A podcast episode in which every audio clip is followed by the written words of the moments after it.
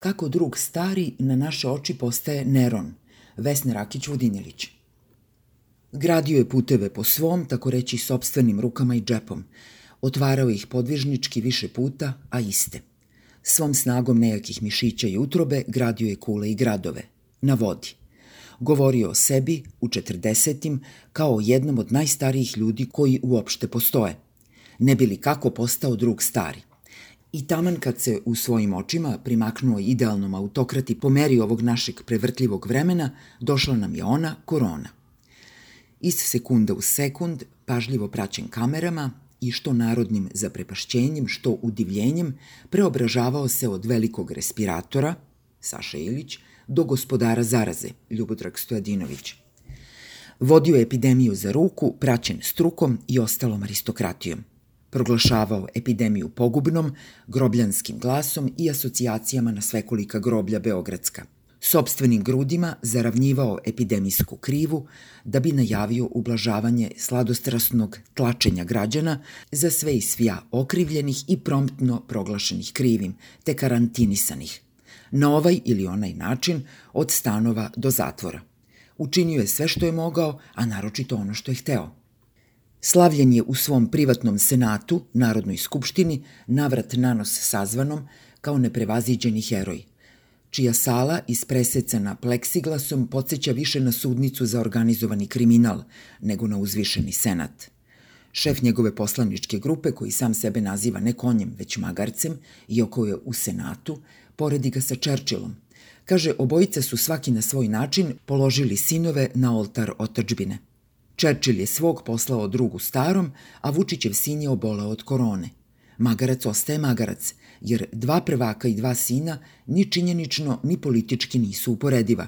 Čerčil je svoga sina svesno uputio Titu, jer je razumeo ko u toj balkanskoj zemlji efikasno goni zajedničkog neprijatelja i time poslao političku poruku tadašnjoj vladi u Londonu, kao da Magarac hoće da nas uveri da je Vučić svesno prepustio svog sina zarazi – Čak i ja, pišući ovo, u tom pogledu mislim daleko bolje o našem predsedniku nego njegov magarac.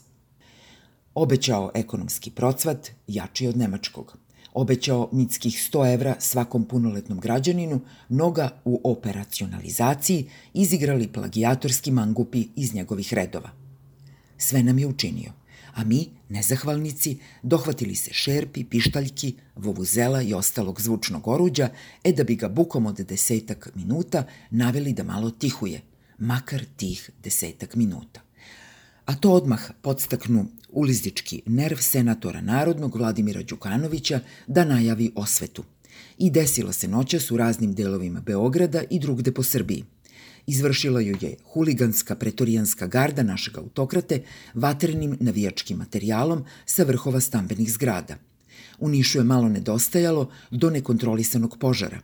Na šerpe, ma kako kancerogene ako se razbiju, kako nas celomudreno pouči nadzornica senata naša Maja, autokrate je odgovorio vatrom. I tako je prekinuo hod stopama druga starog, kako te stope on vidi, te je krenuo ka drugom uzoru – vidjet ćemo kako će ga nazvati. A liči po mnogo čemu na Nerona, rimskog imperatora, u istorijskom sećanju zapamćenog po tome što je navodno podmetnuo požar i zapalio Rim. Po tom nepouzdanom sećanju, kojeg neki ozbiljniji istoričari pa i sam Tacit dovode u sumnju, Neron je hteo da grad Rim preuredi i isplanira na svoj način. Na mestu svoje izgorele kuće Neron je podigao palatu ponosnog imena Domus Aurea – I tako se doveo u zlatno doba, koje danas i mi, nerimljani, zajedno sa autokratom i se sve snage živimo. No i pre sporne paljevine, Neron je marljivo radio i stvarao. Njegovi satrapi u Senatu doneli su zakon o uvredi veličanstva, pa su tadašnja aristokratija i umetnički svet surovo proganjani. Kao učesnik u zaveri, da li stvarnoj ili u državnom udaru ala Dragan J. Vučićević, jedan Seneka je izvršio samoubistvo. U vremenu nedavnom, a u nedostatku aristokratije, autokrata je dao pritvoriti jednu novinarku, pevačica buntovne pesme osumnjičena na koronu otišla u zatvor, podaničke sudijske duše sudile su ne glavom, već skajpom i izrekle maksimalne zatvorske kazne nepokornim izolantima. I Nerona je plebs voleo, neko vreme, dok je organizovao spektakluke, Teofil Pančić, i distribuirao materijalna dobra male vrednosti – a ovaj, ej, daje po 100 evra.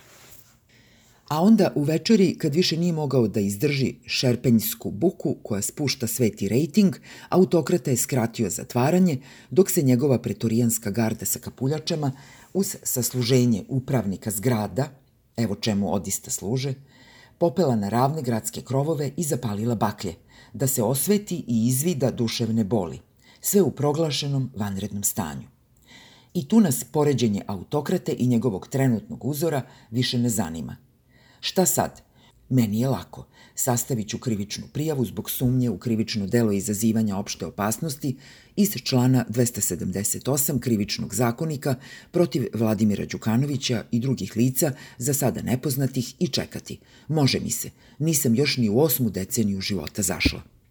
Da li ćemo međutim svi zajedno čekati i šta? Da izgori neki grad u Srbiji, da se još ljudi pohapsi, da suđenje putem skajpa postane standard pravičnosti – da autokrata prestane da preti, grdi mrači, da stavlja na stup srama i vređa svakog ko nije sa njim. Da svakog takvog bezumno proglasi prijateljem korone, da zbog izbora naglo olabavi mere, što je u ovom zdravstvu jedini ozbiljan resurs, pod uslovom da građani slušaju svoj zdrav razum, a ne njega. Ne može svako da čeka na istorijsku osvetu koja takve pamti samo po nedelima. Ne sme proći – pogotovo ne na unapred lažiranim nepoštenim izborima. On je zaustavio nas. Zaslužuje da mi zaustavimo njega.